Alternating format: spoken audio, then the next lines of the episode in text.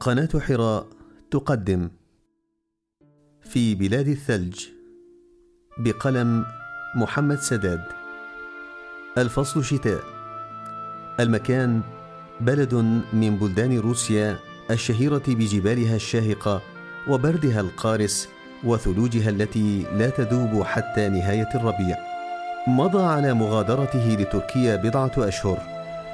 حين ودع الأهل والأصدقاء كان يوما من أيام الخريف حيث أخذت أوراق الأشجار الصفراء تتساقط منذره بنهاية الأيام الجميلة.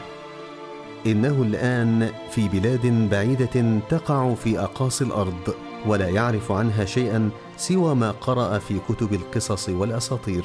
شاب في السادسة والعشرين من عمره تخرج في إحدى الجامعات الراقية بإسطنبول. يتقن اللغة الإنجليزية كلغته الأم.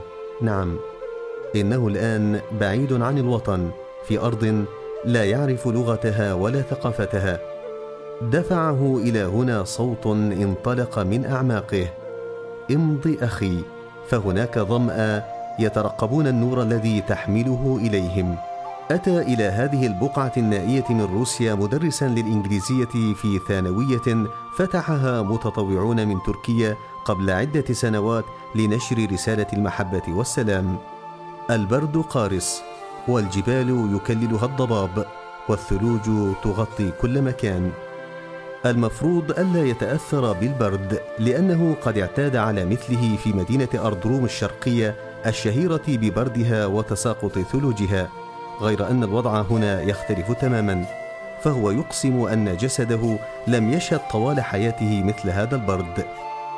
الفترة القصيرة التي انقضت ما بين نزوله من الطائرة وركوبه السيارة بدت له كأنها عام كامل. الموت تجمدا أمر سهل للغاية هنا. وصل المدرسة كوكبة من الشباب في انتظاره رغم البرد القارس. كلهم أتوا من تركيا. أحدهم معلم إنجليزية، والآخر معلم كيمياء، والثالث معلم فيزياء. كلهم خريجو ارقى جامعات في تركيا غير أنهم اختاروا هذه البلاد الباردة على وطنهم الدافئ والعروض المغرية. حملتهم نفس الغاية السامية. أثناء تجواله في الممرات والفصول تحدث مدير المدرسة عن ضيق الإمكانيات والمواقد المعطلة ومشكلة الكهرباء التي لا يعلم إلا الله متى تعمل وأمورا أخرى كثيرة. تساءل الشاب بينه وبين نفسه أيمكن العيش هنا؟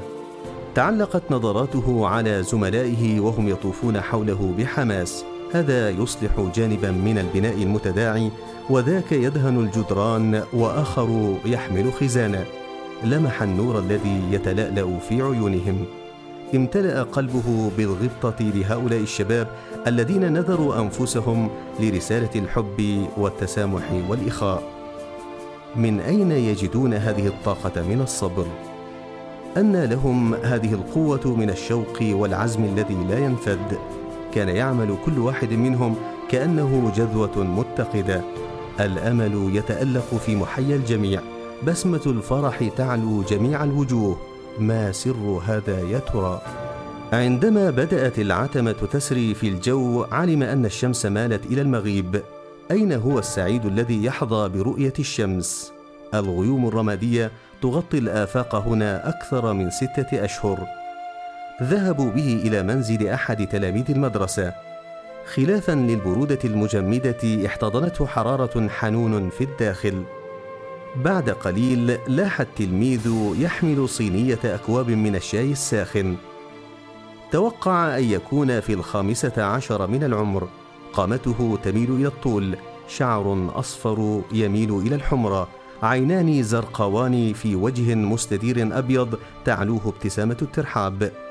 أثناء تقديمه الشاي قال التلميذ للضيف الجديد بلغة تركية جيدة أنا أجيد اللغة التركية. حاول الضيف أن يغطي حيرته بابتسامة متكلفة قل شيئا بالتركية إذن. حدق الفتى في عينيه وقال بصوت رخيم وبسمة واسعة وكأنه اكتشف تساؤلاته التي تصطرع داخله منذ النهار أما ترضى أن تكون لهم الدنيا ولنا الآخرة؟ أصيب بصدمة.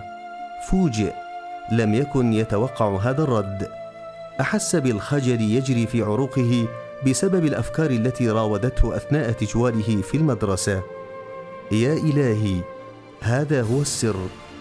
إنه اكتشف سر الصبر والعزم والشوق الذي شد قلوب زملائه إلى هذه البقاع النائية.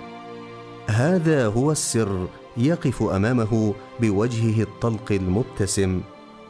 فأحس بصوت ينطلق من أعماقه بل هنا الحياة الحقيقية التي تستحق العيش. أحس بارتياح عميق في قلبه زالت جميع الآلام والأحزان. شعر أنه وجد وطنه الحقيقي. قناة حراء ميديا تقدم في بلاد الثلج بقلم محمد سداد.